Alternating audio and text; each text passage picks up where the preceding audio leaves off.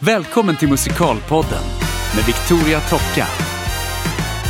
Idag i Musikalpodden ska jag få prata med Patrik Martinsson. Välkommen! Tack så mycket Vad Victoria. kul att ha dig här! Ja, det är jätteroligt. Verkligen! Alltså, du har ju jobbat jättelänge och gjort jättemycket. Både större och mindre och superbra grejer liksom. Så att eh, om inte annat så borde det vara en extrem inspiration för alla som vill hålla på med musikal, tänker jag. Ja. Och du är faktiskt den första som jag har fått så här specifika frågor till. Aha. Från lyssnare också. Vi kommer till det senare. Vad roligt. Ja. Men jag tänker, hur, hur började du? Åh, det är så länge sedan. Jag fyllde 50 för några veckor sedan. Det är helt galet. Ja. Grattis! Ja, tack så mycket. Eh, och har jobbat med det här. Jag kom ju på ganska sent i mitt liv att jag skulle jobba med, med, med att stå på scen. Okej. Jag skulle bli yrkesmilitär när jag var liten. Ja, jag bodde i Linköping. Jag är född i Jönköping med min mamma. Eh, så bodde vi där i sju år och sen flyttade jag till Linköping. Så bodde jag där från att jag var då sju år till 23 någonting. Just det. Ja, och jag ehm, höll inte på med teater eller sång eller musik eller något. Det fanns inte liksom så. Nej. Mer än att vi sjöng lite hemma så här, myssjöng. Men det fanns inte i något yrke och det var i- aldrig tal om att jag skulle gå någon utbildning som hade med detta att göra och sådär. Eh, men jag hade ju många kompisar. Det fanns ju en ådra i mig som var att jag ville stå på scen ändå någonstans. Så här, ville, Mm. ville liksom, jag var bra på det. Men jag gjorde det inte professionellt. Eh, sjöng i olika rockband i Linköping. Eh, och sen var det en kompis med mig som gick Vingskolan och skulle bli reseledare. En, Okej. en, min bästa vän. Ja. Eh, och då var han på Cypern och sen när han kom hem så sa han bara Du måste, du måste gå det här. Det här är, det är du liksom. Jag såg Ja. så många där som var som du. Ja. Så det här måste du göra. Eh, och då hade jag precis, precis gjort lumpen, kommit på. Jag trodde att jag skulle bli yrkesofficer när jag ryckte in. Skulle va- ligga inne i 15 månader. Eh, kom på i slutet att jag ska inte alls bli yrkesofficer. Så jag bara slutade abrupt så här, Ja. på något sätt. Reviderade allt jag tänkt på och trott på. Och eh, kände att Nej men jag ska inte bli yrk- yrkesofficer. Eh, så, så eh, åkte jag till Gotland och jobbade säsong på Mm. Kneippbyn. Eh, och där var jag sen i 13 somrar. Så här, eller Okej. på- Vad gör man där? På Kneippbyn det är en sån här stor campingplats där de har en stor showanläggning om vattenland och, och stort sommarland. Pippihuset står där bland annat. Okej. Ja. Men då var jag där och blev jättegod kompis med de som hade det, drev det och så. Hur som helst, så, så Micke, min kompis då, han kom hem från Ving och då, det, just den perioden jobbade jag i Vemdalsskalet som skidlärare och nattportier på hotellet. Ja. Och så bara, du måste gå den här Vingskolan. Eh, och då var det lite sent påkommet inför kommande säsong att jag skulle gå Vingskolan. Men då fanns det något som hette kompletterande vingkurs som bara var en vecka. Han var borta typ i tre veckor, fyra veckor och kort betalade massa pengar. Ja. Men det behövde inte jag göra. Jag ringde och sa hej hej, jag har fått tipset om att jag ska ringa till dig Ja. på Ving. Eh, får, jag, får jag gå den här kursen som finns? En, så här. Ja. Ja, du får komma hit och på intervju då. Det här var alltså slutet på 80-talet. Ja. Då fick man flyga inrikes mellan Östersund och jag hade aldrig flugit in, inrikes förut. Nej. Så här, bara det var ju jättehäftigt. Flyga från Östersund till Stockholm, gå på en intervju. Så fick jag det här gigget och åka på vingkurs. Var där en vecka och sen så, så var det bara tjoho i några år. ja, som reseledare. Och då kom jag i kontakt med musiker, regissörer, dansare, Ja. skådespelare, sångare eh, som gjorde det här som åkte runt och satte upp shower. Det var ju ungefär likadana människor som jag som jobbade men de, Mm. de som kom och var koreografer, regissörer, det var ju liksom proffs. Ja. Som, som, som du och jag är idag. Ja, just som gör det vid sidan om. Så. Eh, och, och bara kände att nej, det här vill jag. Och så jobbade jag i tre år som reseledare. Tre, fyra, fem säsonger på olika platser. Hade skitkul. Eh, Jag har också jobbat som reseledare. Det är skitkul. Ja, men det var fantastiskt roligt. Ja. Eh, och eh, fick åka mycket skidor, det var det jag ville göra. Ja, ja. För det var liksom det som var grejen, att få åka skidor. Eh, och sen så var det någon så här, Mallorca eller Gran Canaria på sommaren. Och eh, kom hem någon, under en period och min dåvarande tjej, hon jobbar på en resebyrå, en konferensresebyrå, hade fått en stor beställning från Kyrkans ungdom, Svenska kyrkan, Ja. eh, som skulle sätta upp en musikal och de skulle åka på en resa till London och titta på en musikal. Och då bara, så, så bara, Patrik, det är en kille här som har ringt och ska, de ska göra en musikal utanför Linköping. Jaha, vad är det för något? Ah, jag vet inte vad det är. Men ja, så ringde jag honom Ja. och sa, hej jag heter Patrik, får jag vara med? Så här, Ja. på liksom. Ja, vad, vad, då, då visste jag att han skulle göra Jesus Christ Superstar. Eh, och ehm, då så, han charmades väl av min rättframhet. Ja. Bara sådär. Och ja, men du får komma hit och provsjunga. Då får du, det är i Mjölby. Eh, det är i församlingshuset i källaren. får du träffa våran norska dirigent. Eh, så får du komma hit och sjunga något. Och jag kommer inte ihåg vad jag sjöng. Jag hade inte sjungit så mycket musikal innan. Nej. Kanske det närmsta jag vet var väl Anthem tror jag. Som alla sjöng liksom då. Ja. Och den hade väl någon gnolat på någon, i någon show någonstans sådär. Så då sjöng jag den och så fick jag lite material samtidigt på plats och så sjöng vi igenom de kända styckena från Jesus Christ Superstar. Så här, Ja. Melodierna, typ Jesus Christ. Bara så för, för att sjunga med. Och sen typ så dröjde det någon vecka och sen så ringde de och frågade om jag ville göra Judas. Okej. Så bara. Ja. Ja. Och då var vi tre stycken som var så här, semiproffs. Det var Jesus, Judas och Maria. Ja. Och resten var amatörer. Och så var det en regissör från Östgötateatern. Okej. och en, en proffsorkester. Och så spelades den i en kyrka utanför Linköping. Och det blev supersuccé. Så Ja. folk vallfärdade till den här kyrkan för att se miraklet i Högby. Nej, vad kyrka. Ja, det, var, roligt. det var helt magiskt.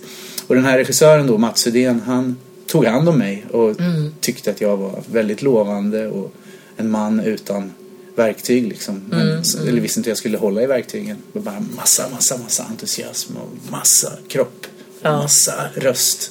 Och bara så här, "Wah!" Så, okej, tona ner där, tona upp där, Ja. håll ner där. Så, här. så han, det var min skola liksom. Så jobbade jag med honom i olika produktioner på Arbetsteatern, på Östgötateatern. Ja. Ehm, och så bestämde jag mig för att jag skulle söka ett jobb i Stockholm på Oscarsteatern och då var Ja. det Cyrano, den Ja. första pro- produktionen efter Phantom of the Opera. Just det. Med Mikael Samuelsson i huvudrollen då också. Och då samtidigt så sökte jag till Kulturama. För att om jag inte fick det gigget eller om jag, jag visste inte så mycket. Jag sökte någon så här en yrkeslinje för, för den först, första gången de hade yrkeslinje för sångare på Kulturama. Okej. Ja, den första, så var vi tio stycken som, jag kom in där och så, så samtidigt så jobbade jag på, på Oscars. Ja, och så gick jag också en filmskådespelarutbildning på Kulturama då. Ja. Och gjorde massa grejer. Eh, jag fick det här jobbet på Oscars och var cover för Ruben Salmander då som spelade eh, den unga älskaren Christian. Och då, när jag var där, jag tror det var under repperioden, så var det massa killar som hade gått på artisten. Jag fick träffa riktiga skådespelare musikalartister. Och de skulle alla till Värmland, till Värmland, op- Värmlandsoperan. Ja. Och eh, på slut-callback för Les Misérables. Och jag var ju så här rätt fram bara så här, ja men om de kan så måste jag också kunna. Så jag ringde upp producenten och sa Ja. hej, jag är med i det här. Jag missade hela Les Mis-tåget från början men jag vill komma på callback. Jag tror jag skulle vara perfekt för att vara med i den här föreställningen. Ja, ja visst, kom du. Så fick jag så här, faxat eh, noter och text Ja. för Oncholara, studentledaren. Ja. Ehm, och så fick jag det. Så här. Och Men det var det är då det helt började. galet ändå. Och sen dess har jag ju bara gjort roller och det här är alltså 95, 96. Helt sjukt. Helt sjukt var det. Och så jobbar jag och jobbar och jobbar och gjort Ja. massa grejer. Så egentligen så kan man ju säga att du har ju byggt din egen utbildning på att Absolut. bara på att jobba liksom. Ja. ja. Och det är jäkligt coolt ändå. Men det är ju också någonting som tror jag var mer eh, rimligt då. Alltså jag vet inte om det är möjligt för unga musikalartister idag på samma sätt. För att det finns så många utbildningar och det liksom krävs utbildningar på ett annat sätt tror jag. Idag. Jag menar jag tittar bara på alla som går ut nu. De får ju inte ens komma på auditions Nej. liksom. Alltså det är ju Nej. ett helt annat klimat idag. Men eh, alltså det är ju fantastiskt. Samtidigt så tror jag att man tjänar på att inte eller tjänar på, det är väldigt individuellt. Men jag hade ju inte med mig någon Jag hade ju inte gått i skolan. Folk Nej. kommer idag, de, musikalartister har gått och pluggat till musikalartist sedan de var åtta. Ja, Och gått precis. på olika skolor här, där, där och så vidare. Och sen så är de jätteduktiga, jättebra. Men de har inget annat att jämföra med. De Nej. bara... Precis, jag Ja. håller med. Ja. Och sen så tror jag också att, eh, alltså vi har ju pratat mycket i podden om de här olika utbildningarna som finns och sådär för att många har ju gått kanske antingen artisten eller Balettakademin och lite sådär. Och alla skolor har ju på något sätt sin form. Vilket gör att liksom, även om alla är individer så, så blir man ju ändå liksom indoktrinerad i en viss form. Och sen så tycker jag för min egen del liksom att det, det tar ju ett tag som artist att hitta sig själv och, och bli, i alla fall om du vill liksom in och spela roller eller göra större saker då kan du ju inte vara som alla andra utan du måste ju hitta din grej någonstans. Och det tror jag är, alltså där tror jag att du har haft en väldig fördel med att bara Ja. göra din egen grej eller vad jag ska säga. Ja, absolut. Men jag har ju hela tiden blivit jämförd med alla som har gått. Alla kollegor och kompisar har ju gått någonting. De har ju gått Ja. på Balettakademin eller Artisten eller något annat i något annat Ja. land. Eh, och jag hade en period när jag också ville gå det och sökte. Jag sökte Balettakademin som 27-åring liksom. För, bara för att jag kände att ja, men jag måste nog ha det pappret med mig när jag... Men då sa de, men du är för gammal men du kan få gå en sommarkurs. Så här, På riktigt? Ja, det var typ sista året som hon tanten Lia? Lia, Lia Schubert. Ja, jag förstår. Hon sa att ja, du är ju jättecharmig och jättebra och du har en ganska god grund i att dansa och så. Men Ja. eh, vi, eh, ja, nej men vi tror att du måste... Mm. Men det var nog i och för sig också för att Ja, hon var så himla Ja.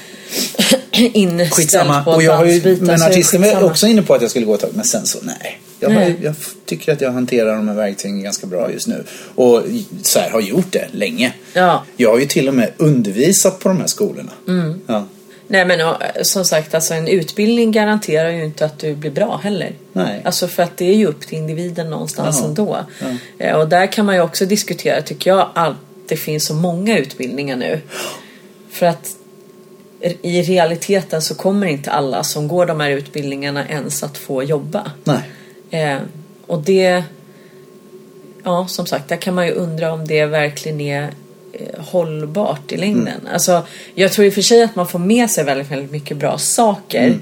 eh, som person och man lär sig mycket oavsett om du sen väljer att bli liksom lärare i helt vanliga ämnen eller jobba på kontor med någonting annat så får du ju med dig jättebra saker Mm. för att det är otroligt personligt utvecklande att jobba med den här typen av grejer. Absolut. Men eh, Men det är... jag är fortfarande tveksam till om, om det verkligen är rimligt att ha så många utbildningar.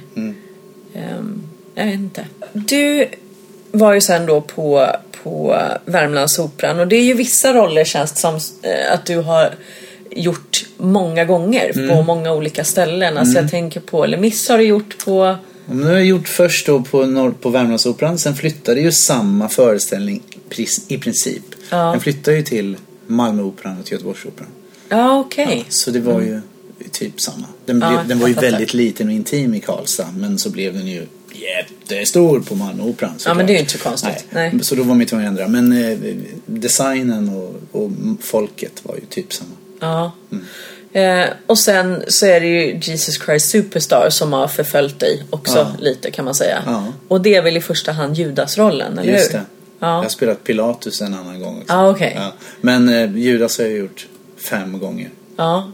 Men hur känns det då att göra samma roll? Hur känns liksom utvecklingen för dig om man säger från första gången du spelar den till senaste gången du spelar den? Det känns fantastiskt att få göra den rollen. Om och om igen. Ja. Alltså jag tröttnar ju aldrig på den. Alltså även när man har gjort den så här, åtta gånger i veckan under vissa perioder. Mm. Och det eh, rinner blod ur kroppen för att man har så ont och för att det är så jobbigt att sjunga den här Ja. fantastiska rollen. Så tröttnar jag inte på det. Det, går, det blir ju liksom en person. Det blir ju jag. Det blir ju så här. Man försvarar ju Judas i alla väder. Ja. Hela tiden. Och jag tror nog att om man skulle jämföra min första Judas som jag gjorde Ja. då som jag gör, som jag gjorde senast mot Ola Salo på Göta Lejon. Så är det inte så stor skillnad. Nej, okej. Nej, jag tror att jag liksom går tillbaka till den här energin och, och så bara kanske man hanterar det på ett annat sätt men eh, utifrån publik så tror jag att det påminner ganska mycket. Kanske duktigare och bättre och säkrare men eh, energimässigt är det nog ungefär så. För där har jag fått faktiskt då en av mina första frågor till dig. Ja, vad spännande. Ja, nu ska vi se så här. Men hon skrev i alla fall så här. Att Patrik blev ju nästan Peter Jöback-känd när han spelade Judas mot Ola Salo. Eh, och den första, det, det är en sån här A och B-fråga. Och den första delen i det, hur kändes det? Nej men det kändes bra. Jag håller inte riktigt med om att jag blev så känd. Inte alls på samma sätt som Peter Jöback. Eh, men eh, jag blev ju hyllad Mm. för den insatsen som jag gjorde. Men... Nej, men man- hon menar på att du liksom börjar närma dig liksom så att mer vanliga människor på gatan liksom helt plötsligt visste Mm. Ja, vem jo, så kanske Patrik det var. Ja, var. nej, men det, det, jo, så kanske det var. Men det var aldrig så att jag behövde gömma mig eller var orolig att jag ska... Nej, jag, jag hade inga problem med det. Nej, Så men det var inget är- du kanske märkte av så mycket själv heller? Nej, eller? det tror jag inte. Ja, nej. nej, jag tänkte nog inte så på det faktiskt. Nej, jag tänkte inte på det. Nej. Svaret är att det känns fine. Okej, ja men det är bra. Härligt. Ja. Eh, och del två, eller B i frågan här är varför tror du själv att det aldrig tippade över och blev liksom att du blev jättekänd? Ja, det är en bra fråga. Vi är ju ganska många som inte är superkända Ja. för, alltså för Den stora massan stora liksom. Bingolotto-publiken. Men det är ju jättemånga som är eh, framgångsrika och som är eh, kända i, i, i vår bransch. Så. Ja. Varför det blev så? För att jag eh, kanske eh, inte var 20 när det hände. Ja. Eh, utan snarare 40.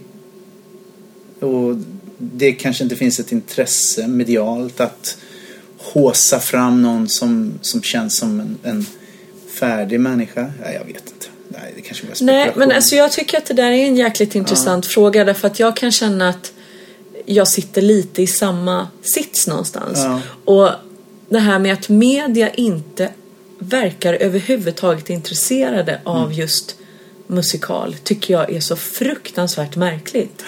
För att när man tittar på både musikalföreställningar som drar väldigt mycket publik.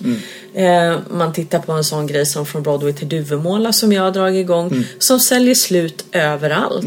Fast att vi inte har en enda kändis, Nej. om man säger så, på affischen. Så att intresset ute i landet och suget efter den här typen av musik finns ju uppenbarligen. Men varför kopplar liksom inte media eller förstår vad jag menar? Ja, jag Varför hakar de inte på? Jag, vi pratade om det senast jag och Daniel när vi var och såg eh, Sunset Boulevard på Broadway med Mm. Just Fred det. Johansson. Varför? Är, alltså varför? Förstår vad jag menar? Det, för mig är det så... Mm. Men Fred är ju en av våra mest okända kändisar. Ja men det är ju helt obegripligt. Ja. Han står och spelar mot Glenn Close och är så förbannat bra dessutom. Ja. Och det är ingen som vet om det Nej. här. Alltså Nej. vi i branschen vet ju. Men liksom varför vet inte liksom... Jämförelse med Peter Jöback som åker och spelar Ja. Phantom så vet ju alla om det och det Ja. skrivs om det spaltmeter. Nej men jag tror att det har med hela för... Hur det är krattat liksom. Hur gången är krattad dit. Och det är svårt att bli känd och vara en färdig, färdig artist. Eller, för vi är ändå färdiga. Mm. Eh, Det är svårt att liksom slå igenom då. Du menar för att folk gillar mer den där Askunge-grejen Ja. eller lite så här Ja, The Och- Voice, Idol kom från ingenstans. Lite så. Jag För tror så det, det är samma sak med lite. Mm. Melodifestivalen tror jag är lite samma sak. De, de, de skulle aldrig våga sätta in en, en, en färdig, duktig människa som du och jag eller någon annan som i, i någon låt, en poprocklåt i Melodifestivalen. Det skulle låta fantastiskt bra. Mm. Men man tar någon som är som, som drar publik. Ungdomar, barnen ska älska den här personen. Ja, absolut. Ja. Men det är ju inte barnen i första hand som köper biljetter. Nej, men barnens föräldrar. Jo, absolut. Ja. Men liksom, du, du drar ju inte med, jag menar, barnen på från Broadway till Duvemåla eller för att se Nej. Nej. Liksom, Men sen är det skillnad som du säger om det är på landet eller om det är i huvudstaden eller eh, alltså nationellt. Ja. Då måste det ju vara då måste det vara kända personer eller personer som drar. Fast Ja. det är ju inte det. Nej, inte ute i landet. Nej. Nej. Nej men och då, då menar jag att då kan man ju liksom Då får du ju omsätta det i verkligheten även i, i Men har ni Media. provat att spela Broadway från Duvemåla i Stockholm. Ja, vi har spelat två gånger. Ja, och det gick bra. Berwaldhallen och på Cirkus. Ja. Det gick jättebra. Ja, men Så för mig är det så jäkla konstigt. Eh, I Malmö fick vi sätta in extra föreställningar liksom. Ja, men kvalitet Ja, nej, men säljer ju. Jag är bara tycker jättebra. att det är en, ja. Mm. en, en otroligt intressant fråga. Därför att jag tycker också att vi musikalartister måste också börja säga ifrån tänkte jag säga. Eller liksom Mm. lyfta oss själva. Alltså nu är kanske inte du och jag de eh, några dåliga exempel eftersom vi ändå producerar själva och gör mycket Mm. själva. Men jag tänker om vi ser på musikalartister eller Mm. ja som en, en stor grupp, för vi är ju en stor grupp om Ja. man tänker på alla som går Ja, ut ja, varje år Oh, och så vidare. Jag tror att man får liksom inte luta sig tillbaks och bara acceptera systemet. Nej. Jag menar, jag är bara en människa. Och du är bara en människa. Mm. Men om vi liksom samordnar oss lite eller liksom om, om fler börjar göra fler saker. Mm. Ja, jag håller med dig. Vi måste utmana etablissemanget. Måste utmana de stora. Jag producerade ju en egen föreställning för ett år sedan. ja, precis. Som hette Murder Ballad. Och det, det var ju, det kom sig av att vi skulle spela ett Evita på turné i Skandinavien. Men den turnén blev inställd. Så då så mm, stod jag utan arbete under förra våren då, då för ett år sedan. Då hade jag diskuterat med en översättare, Fredrik Fischer, om en annan musikal som jag ville göra. Eh, men då var de rättigheterna körda och då så tipsade han om Murder Ballad. Eh, och då skulle vi, då, då, då frågade jag Morgan Alling som är en god vän till mig om han ville regissera och det var han som skulle regissera från början också i det här andra projektet. Ja visst, han tyckte det var skitbra. Vi kollade på massa YouTube-klipp. Det fanns ju liksom inget material förutom YouTube och, och ja, det fanns en Spotify-lista också. Ja, och vi bara föll för det pladask. Fredrik började direkt att översätta. Och jag tog kontakt med Jakob Stadell, Hanna Hedlund och Anna-Maria Hallgarn och frågade om de ville vara med. Och alla sa bara yes, det här passar oss skitbra. Eh, vi letade efter en teater som inte var allt för stor. För jag tror, det ska vi ta, kommer vi till sen. Jag tror att musikal tjänar oerhört mycket på det intima formatet. Det är skithäftigt att stå och sjunga för en stor publik. Men att berätta historien så här nära för någon, det är oslagbart. Eh, I alla fall så kom, kom vi på att vi skulle vara på Playhouse. Eh, och det blev ju super. Det var ju asgrymt. Och fyra musiker och en hel proffsig produktion eh, med ny översättning och och ett uruppförande i Alltså jag är så jäkla ledsen att jag missade det där. Jag hade ju biljetter. Ja. Men det var precis den helgen när Hannas pappa gick bort. Oj, ja. Och Just eh, eh, det em, Hannas föräldrar är väldigt goda vänner till mina Ja, föräldrar. Så det blev även liksom personligt för mig och min familj. Så att det var ju en väldigt, väldigt tung ja. Ja, det... grej såklart. Och då blev det liksom inte av sen. Nej. Så det var, Det var ju synd. Det, det var ju en super... Alltså konstnärligt så var det bland det bästa som jag har varit med om. Ja, vad kul. Ja. Det var det starkaste och största och bästa konstnärliga ögonblicket som jag tror jag har varit med om faktiskt. Ja. Men tror du att det också på, alltså den känslan påverkas av att du faktiskt var med och gjorde det själv? Också? Absolut, det tror jag. Det tror jag ju. Ja. Men det var ju unikt. Formatet var unikt. Ja. Det har aldrig gjorts på det sättet förut med publiken så här. Nej. Det utspelar sig i, ett, i, i en bar, café. Ja, jag vet. Jag såg den i London. publiken. Ja, men, Ja. ja. och, och vi gick ju hela vägen med det här och det var ju skithäftigt. Och publiken var ju helt så här bara, vad fan händer nu? Ja. Och att det är en timma, 20 minuter bara pang. Och så en, som en smäck liksom, i. Ja, det var skithäftigt. Ja. Jättehäftigt. Det blev tio föreställningar och det var ju jag och mitt bolag som satsade allt på det. Och det gick ju inte runt såklart. För då måste vi ju spela 40 föreställningar för att det ska bli några pengar över. Liksom. Det var dyrt. Det Jo var men dyrt. det är ju det. Ja. Ja. Eh, men det var skitball. Och scenografin ligger fortfarande i ett förråd och vi drömmer fortfarande om att sätta upp den igen eh, på lämplig plats. Ja, och någonstans. nu finns det ju. Nu är det ju liksom Ja. färdigt eller vad man Ja. ska säga. Och det är väl det någonstans som är det häftiga också med att ta tag i projekt Ja. själv. Ja. Alltså från Broadway till Duvemåla som jag jobbar med nu. Det uppstod ju också egentligen nu en slags frustration och bara nej men jag hyr Berwaldhallen Mm. nu och gör en konsert. Mm-hmm. ja. Och sen så har det liksom blivit någonting helt annat och mycket större än jag någonsin hade kunnat föreställa Mm. mig. Och sen blir det ju så att jag kommer göra broarna i Madison County Just det, nästa vad år. kul. Ja, det ska Ja, bli vilken grej. Jättekul och jätteläskigt på många sätt. Men eh, då blir det naturligt att från Broadway till Duvemåla få pausa ett tag. Men den föreställningen och den, det konceptet och den idén finns ju alltid kvar. Ehm, och jag tycker att det är väldigt roligt att producera. Ja, det är det. För att Det är- det är roligt att få liksom vara med från första idé någonstans till... Sen så tror jag att det måste vara roligare att producera någonting som är en positiv vibe.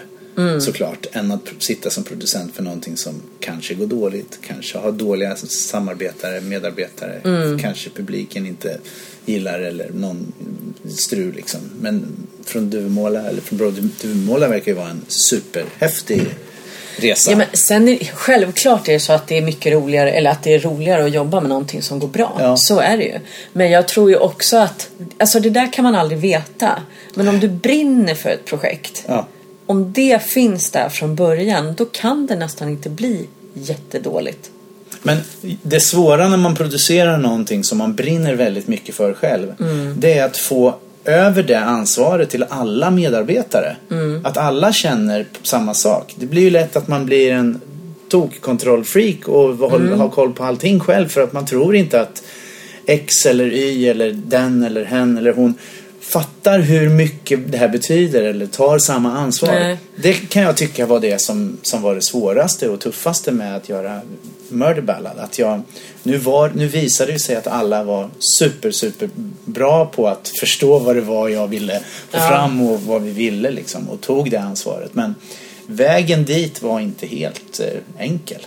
Nej men jag, alltså, det handlar ju också om att omge sig med människor som Ja, dels man gillar att jobba med och som man också... Och det där kan man aldrig veta heller. För det kan jag också säga om från Broadway till Duvemåla att jag menar, jag hade aldrig träffat Laila Adele Nej. till exempel. Nej. Utan vi hade varit lite så sporadiskt, du vet, vänner på Facebook för att man, du vet så här, vi hade aldrig träffat varandra. ja. Och sen blev det verkligen jätte, jättebra. Det är Eh, svårt att inte kunna tycka om Laila. jo, det, det är ju för Ja. sig sant. Absolut, visst är det så.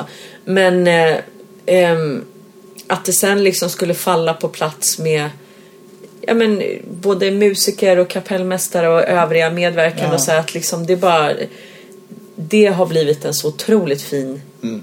enhet liksom. Det, det kan du aldrig veta. Nej. Och det är ju det som är jätteläskigt med Broarna-projektet också. Mm. För jag menar, än så länge så har vi liksom eh, handplockat och det känns som att liksom men sen ska du plocka dit liksom nya bitar och bygga på det här och Mm. liksom det blir ju lite som att bygga ett korthus eller vad jag ska säga. Att man absolut. liksom det. hoppas att allting håller någonstans. Så att det, det är klart att Vart det ska ni spela den? Maximteatern. Apropå det här med att inte spela på en för stor scen. Mm. Och när är premiär? 12 september nästa år. 2018. 2018. Gud vad bra. Ofta så eh, händer det ju saker i en själv också när du väl får börja jobba med ett material på ditt eget språk. Ja. Därför att det kommer mycket, mycket närmare. Ja. Ehm, och det tycker jag också är tydligt ehm, för min egen del. För jag har ju gjort så stor del utav min karriär utomlands. Så jag har ju nästan bara jobbat på andra språk än mitt eget. Liksom tyska, danska, engelska. Och att då få komma hem och göra eh, ja, men, ett material som också är så liksom personligt och stort för mig. Alltså, så jag älskar den här historien. Och göra det på svenska, det tillför ju någonting alldeles speciellt tycker jag. Ehm, som också, jag kan ju avslöja redan nu i podden att jag har fortfarande inte tagit mig igenom slutscenen Nej. en enda gång. Det går inte. Så att mitt mål med det är ju liksom att sjunga igenom det i alla fall någon gång i veckan fram till eh, så får vi hoppas att jag liksom för att jag blir enormt gripen av hela slutscenen. Det, jag kan inte säga annat. Men jag lyssnade Det- på, om det var Stoffe som berättade att han hade aldrig gråtit så mycket i sitt liv som när han hade sett Madison eh, Mm. på bio. Och jag stryker under på det. Jag var och tittade på den och jag var helt förstörd efteråt. Mm. Jag satt kvar i en kvart och bara så här tog, alltså hulkade. Ja, Och då satt jag med min tjej och hon var så här, vad, vad, vad är det? Hon var inte alls lika tagen av det på, på det sättet som jag var. Jag var helt förstörd. Ja. Alltså grep tag i mig något enormt. Ja, nej, det kommer bli jättespännande att se. Ja, Ja, ja, det ska bli jättespännande. Jag, som sagt, jag har fortfarande inte tagit mig igenom slutscenen Nej. utan att totalt bryta samman. Nej. Vi hade en första genomläsning här faktiskt. Aha. Eller så här, bara jag och Daniel. Ja. Och jag bara, vad så att du är beredd? Liksom, han ska bara sjunga du vet, typ så här, tre rader precis på slutet. Och jag bara, för dig är det ju lugnt. Det är liksom, jag måste ta mig igenom en ganska lång, stor Ja. scen typ helt själv. Ja. Som jag inte vet hur det ska Nej. gå till. Han bara, nej då, det är lugnt. Det kommer bli toppen. Jag sitter här och bara... Ska, ska han sjunga sina sidor? Det kom inte ett ljud ur honom heller kan jag säga. Så att det här är ju liksom, ja. ja. Men vi får ju bara mentalt bearbeta det här under Det lång måste tid. man ju. Ja. Sen blir det ju, sätter vi proff, proffset i en igång och jobba. Ja. Men det är ju, ja. Nej men när man blir så här personligt Ja. drabbad av någonting. Apropå det, har du varit med om någonting på scen under alla år? Det är klart du har. Ja. Men dels tänker jag någonting där du själv då, apropå det här att bli drabbad av ett material. Mm. Som liksom specifikt har påverkat dig väldigt mycket personligen. Mm. På ett eller annat sätt. Ja, men i, bara, nu i slutet på Passion, sista scenen i Passion, så i- var också något liknande. Alltså inte det du beskriver att man... Men det var tårar och gråt och samtidigt sjunga. Det är inte helt enkelt. Nej.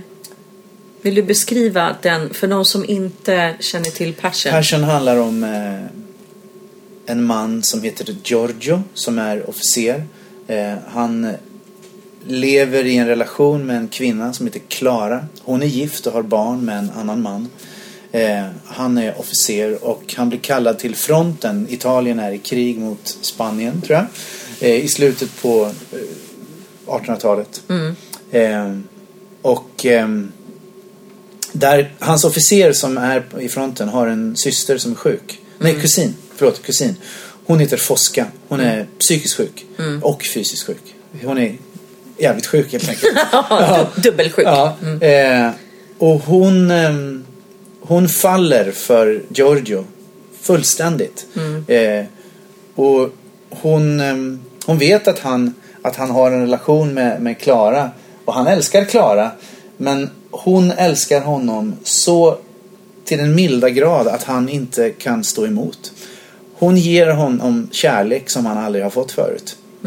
Hon är på pappret, eller hon, hon är liksom, hon, hon ska vara ful, hon ska vara oattraktiv, hon ska vara eh, elak. Eh, hon är det, det, det är liksom to- Foskas roll. Men hon är otroligt kärleksfull mot honom. Hon, hon, det enda hon kräver är att, att hon ska få älska honom så som hon vill. Han behöver inte älska tillbaka. Han kan älska henne som en hund, som en katt. Men bara, bara du låter mig få älska dig.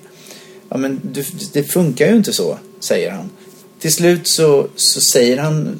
Till slut så kan han inte hålla sig. Liksom. Han kan inte, hålla, han kan inte, Värja han sig, kan inte liksom. värja sig för den här kärleken som hon som ger honom. För Mm. det är... Det han vill ha från Klara, han vill ha hela henne. Han vill ha hennes liv. Det får han inte. Eh, Så han gör slut, eller de gör slut med varandra. Och sen så mot slutet av föreställningen så blir Fosca sjukare och sjukare och sjukare och till slut så känner han att jag måste säga till Fosca innan hon dör att jag, eh, jag älskar henne. Så det sista som händer är att han han säger att ingen har älskat mig så som du älskar mig och jag, jag älskar dig också.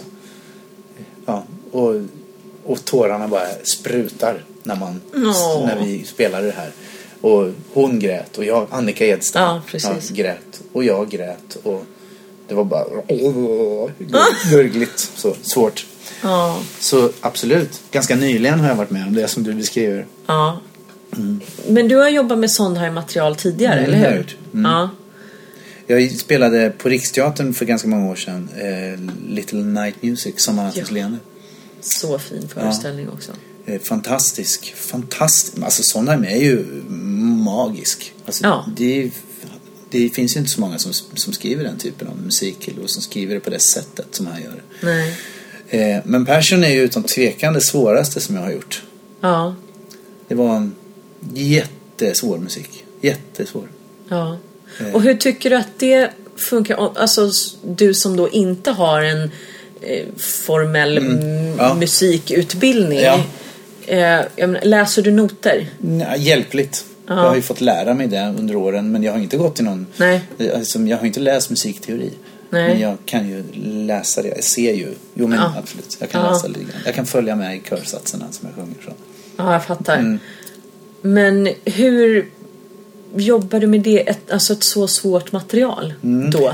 Ja, men inlärningen var ju speciell. Den, den har ju gått tidigare på Spira i Mm. Just det, i Jönköping. Jönköping. Ja. Och den killen som gjorde den rollen, Giorgio då, Kalle Malmberg, han eh, är ju ingen sångare. Han är en skådespelare. Mm. Men duktig sångare. En jätteduktig sångare. Eh, men han är skådespelare i, i grund och botten. Och han läser inte noter överhuvudtaget. Och, Nej. så. och då fick han allt det som han skulle sjunga fick han inspelat. Precis varenda not fick Mm. Ja. han inspelat. I så här, mp3-format. Den här låten, låt 1, 2, 3 och så ner till 14 låtar eller vad det är som Jojo Ja. sjunger. Eller så här, Ja. med hela tiden. Ehm, och då fick jag ta del av det och lyssnade. Och sen så, man lyssnar ju på andra inspelningar och lyssnar på, på videoinspelningar och så. Ehm, men jag lyckades och, och instudera in det där hemma på kammaren. Mm, Och sen när vi kom till, vi hade bara fyra veckors repetitionsperiod i, i Umeå. Ja.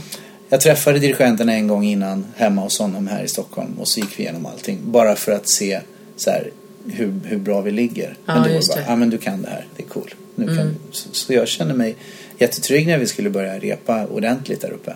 Ja. Ehm, men det är klart det är svårt. Det är skitsvårt när och det blir ju ännu svårare när, man, när, man, när det kommer en hel symfoniorkester. Alltså det var en hel symfoniorkester. Det är helt galet. Helt sjukt. Det är ju en sak att sitta hemma med ett piano. Ja. Eh, eller sitta på, i repsal med piano. Men sen så kommer orkestern. Där Ja. man inte vet riktigt vad man ska lyssna efter. Och Nej. vet. Ja. ja, det var ju jättesvårt. Det var superfokus för att, för att lyssna. Lyssna hela tiden vad det är jag ska lyssna efter och på.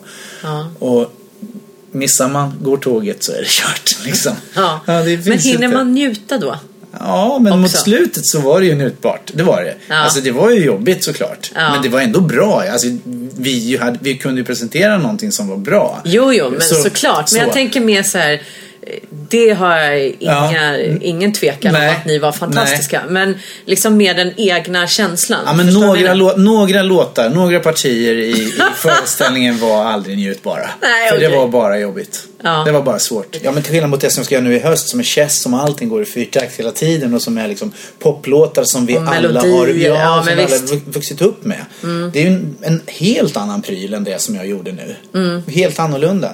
Ja, men där kan du ju kanske då gå in och njuta mer av att gud, sjunga materialet men på ett visst. annat sätt ja. ju. Ja. Och sen är det ju även svårt för publiken också. Det finns ju, det är ju, det är ju ganska smal musik och en smal, ett smalt berättarspråk som Sondheim håller på med. Det är väldigt bra och det är väldigt starkt. Mm. Det är, det är känslomässigt väldigt rörande. Musikaliskt så är det ju alla tycker inte om det, alla förstår det inte och det är svårt. Jag är skitstolt över att jag gjorde det här. Ja, jag förstår det. är det. Så här, fan jag klarade det. Jag gjorde det. Eh, jo, eh, en fråga till som jag har fått som var väldigt specifik riktad till dig men jag tror att alltså, den eh, applicerar ju på de flesta musikalartister.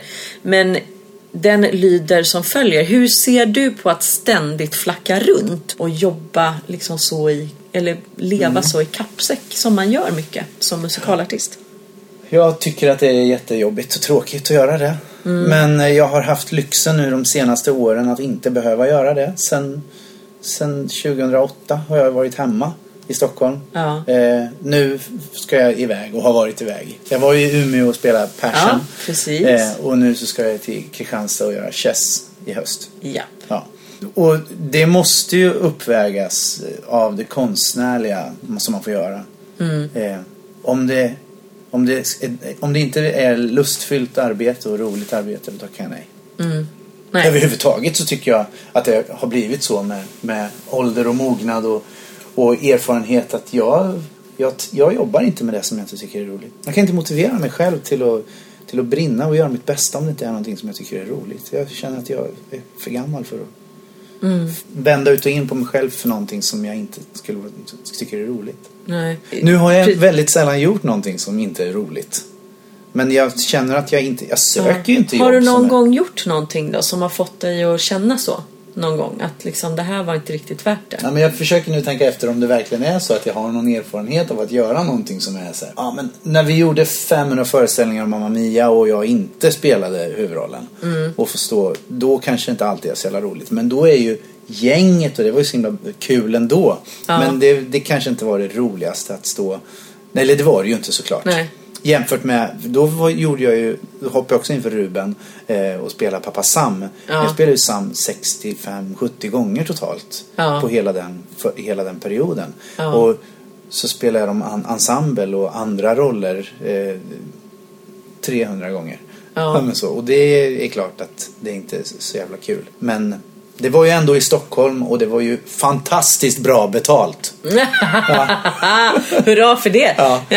Ja. Nej men och som sagt och då väger det kanske upp mer då att Ja, man får det vara det hemma och att det är bra Ja. betalt och att det är ett Ja, kul gäng. Och, det. men att det i alla fall det. liksom Men det finns ju i någonting. Stockholm, precis. Jag tänker på det här med att vara understudy för en stor roll. Mm. Vad tycker du är det tuffaste med det? Eller roligaste? Då, det var ju ganska länge sedan som jag var där. Det var när vi gjorde Mamma Mia senast. Ja, men det tuffaste är att inte få göra det. Om man bara står och är beredd hela tiden och så på tå och får göra det.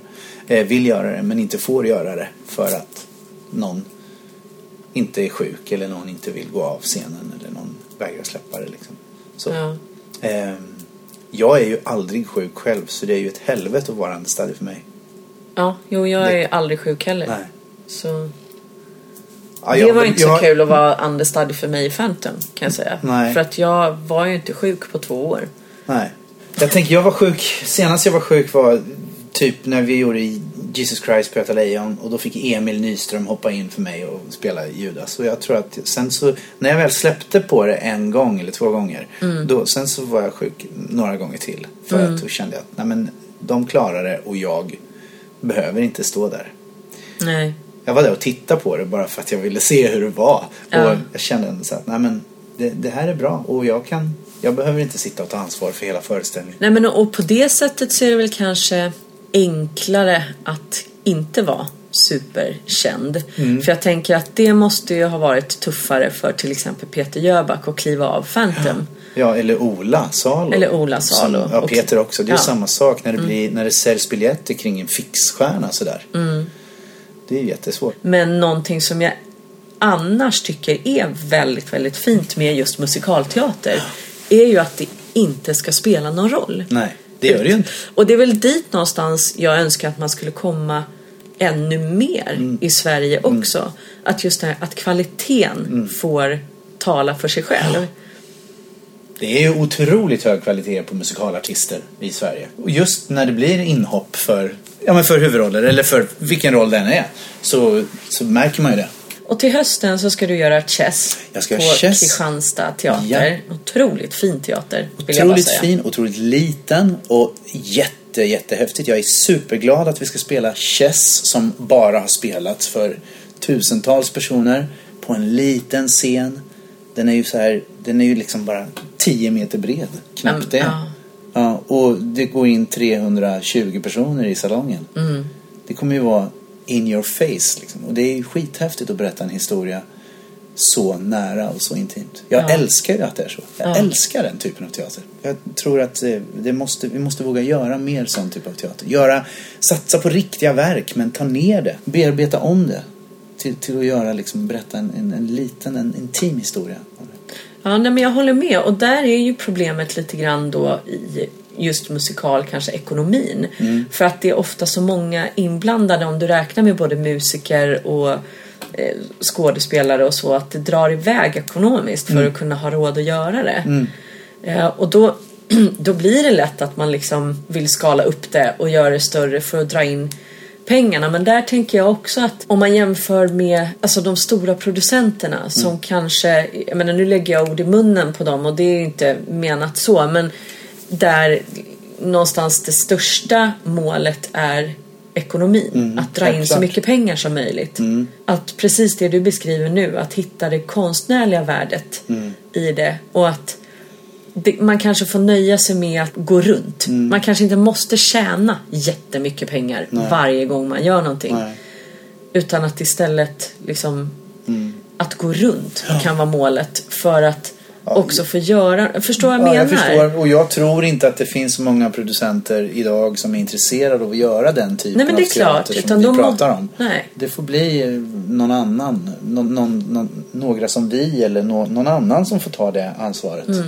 I och med att jag inte är eh, to entertain eller Mm. liksom Blixten och kompani eller så. Jag sitter inte på de pengarna. Nej. Så måste vi som jobbar med det här projektet verkligen tänka utanför lådan. Absolut. Eh, och det är otroligt nyttigt Mm. och spännande och kreativt på så många sätt. Mm.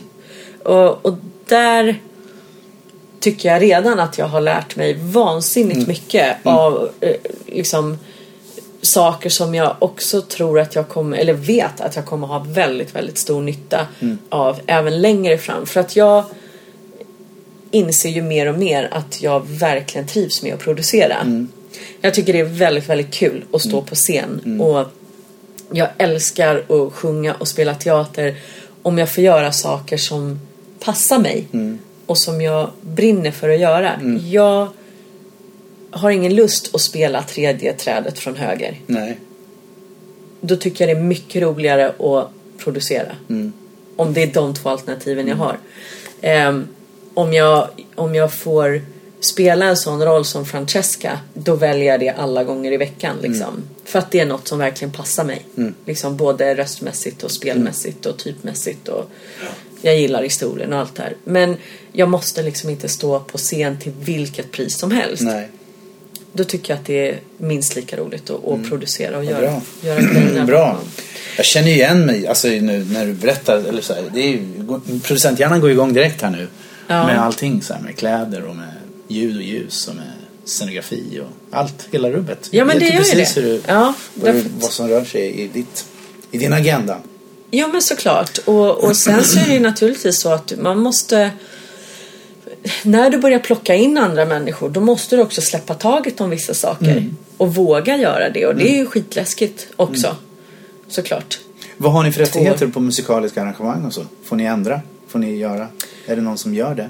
Eh, nej, alltså så här. Jason Robert Brown vann ju en Tony för bästa musik och bästa eh, arrangemang. Ja.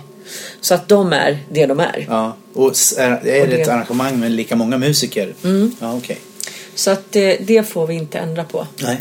Eh, men däremot så är ju allt övrigt helt öppet. Mm. Så att där blir det ju väldigt spännande att se vad en sån som Rickard väljer att göra med materialet. Mm.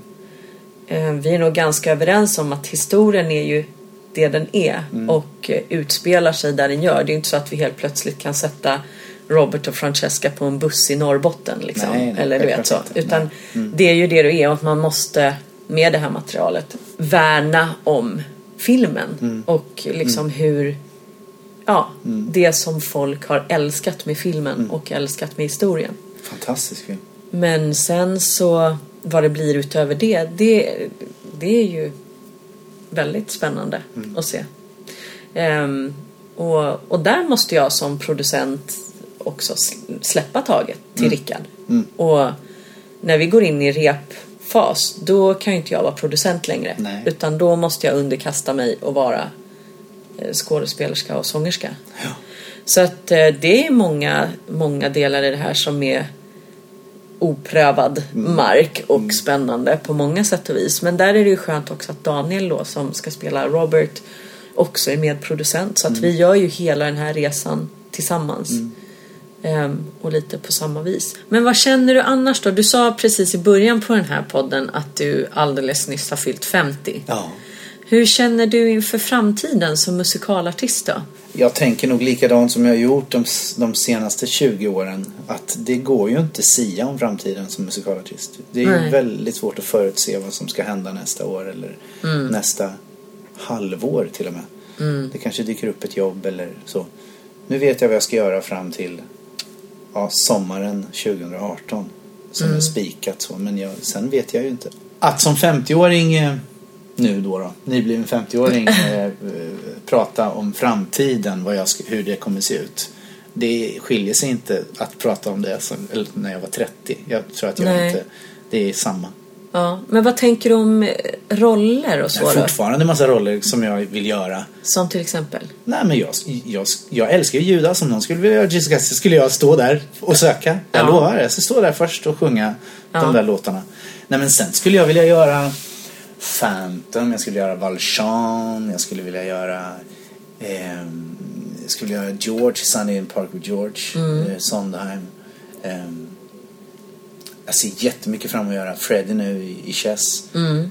Att sjunga Peter the Child som jag har sjungit sen ja, typ 30 år sedan.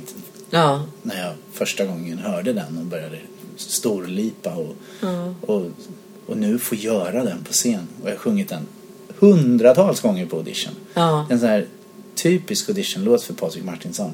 En Ja, riktig sån Patrik-låt. Ja. Eh, och få göra den nu i, på riktigt ska ju bli jättehäftigt. Mm. Hur stor orkester har ni i Kristianstad? 14 kanske? Ja. Ja. Men det är ju väldigt stort för en sån liten teater, Ja. så det är ju fantastiskt. ja. Det är trångt i diket vet jag i alla fall. Ja, jo, det Mm. kan jag tänka mig. Men det är ju också det fina med att de vågar göra en sån satsning i Kristianstad, Ja. tycker jag. Eh, Och det visar ju också på musikalgenrens eh, liksom, dragningskraft Mm. ute i landet och så. Jag menar, det görs ju väldigt mycket fina uppsättningar runt om i Sverige. Mm.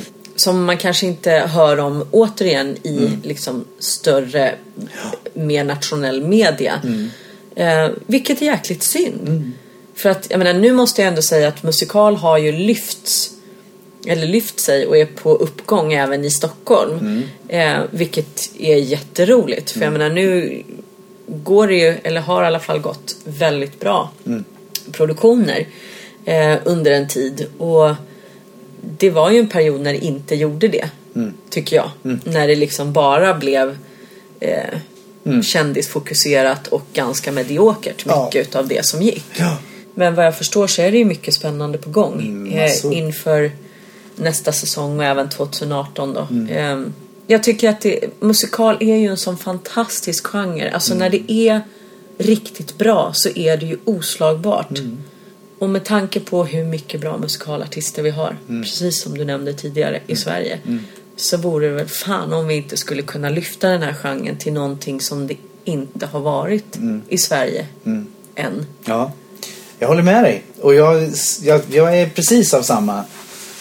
Men när vi gjorde Murder Ballad, så när vi var klara med Murder Ballad så var det ju Vi fick ju en recension om att det här kanske inte är världens bästa musikal men det tar med fan världens bästa musikalartister. Och då kände vi bara så här att nej men nu ska vi sätta, nu ska vi bilda en musikalensemble och bara göra Sätta upp nästa musikal och nästa musikal. Ja, Nej, och det är ju lite så, jäkla häftigt Ja. att känna det. Och det är ju exakt den typen av recensioner vi har fått för Från Broadway till Duvemåla. Ja. Så Alltså, det visar ju bredden på musikalartister i Sverige också. Mm. Ni fyra var fantastiska. Vi som har jobbat med det här Ja. är fantastiska. Ja. Alltså det finns så många.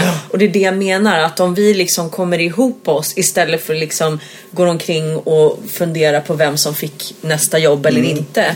Och istället börja jobba ihop. Om jag säger så. På ett annat sätt kanske än vad vi har gjort hittills. Så då tror jag att musikalgenren kan lyfta till en helt annan nivå. Ja, gud ja. Man får inte vara så rädd för förändring. Mm, precis. Apropå det här med att, med att flytta runt och eh, jobba med olika människor och eh, att inte vara rädd för förändring. Och det är ju både det som är det läskigaste och roligaste med det här yrket, att det aldrig är samma lika. Folk frågar ju, jag vet inte hur du känner där, men apropå det här med att spela Judas till exempel, eller att spela samma föreställning så många gånger. Ja, men det är jättelyxigt och det är, det är klart det kan vara jobbigt att spela samma sak flera gånger eller tröttsamt så men eh, om det är någonting som man älskar så mycket som jag älskade att spela Judas så blev det ju aldrig tråkigt. Därför att det är ju aldrig riktigt samma ändå. Nej, det är klart att det inte är. Nej. Nej. Men jag tror att det är det som är svårt för folk utifrån att förstå som det- inte jobbar ja, med det här. ja, Ja, men men, det- du har spelat absolut. 200 föreställningar Kristin i Phantom of the Opera. Är det inte tråkigt då? Mm. Hur ska det kunna vara tråkigt? Det är, För om du är där Mm. i nuet, här och nu, så händer ju den här, alltså då händer det ju för första gången. Ja. Här och nu. Ja, så är det ju. Det kan vara tråkigt att sitta i sminket. Det kan vara tråkigt kan vara att gå tråkigt. ner till trappan till sin loge. Det kan vara så tråkigt att sitta och vänta eller att käka sin mat. Allt det som är runt omkring. Men så Mm. fort man går ut på scenen, eller innan, precis innan, då blir det ju inte tråkigt. Då är det ju bara världens roliga styrka. Ja, men du, vad jättekul att du ville komma och prata i Ja, tack. Musikalpodden. Ja, vad roligt att jag fick komma. Tack. Ja, det ska vi göra om. Jag har massa roliga idéer och planer för Mm. hur vi ska fortsätta utveckla allting. Men stort tack Patrik för att du ville komma. Tack. Musikalpodden med Victoria Tocka.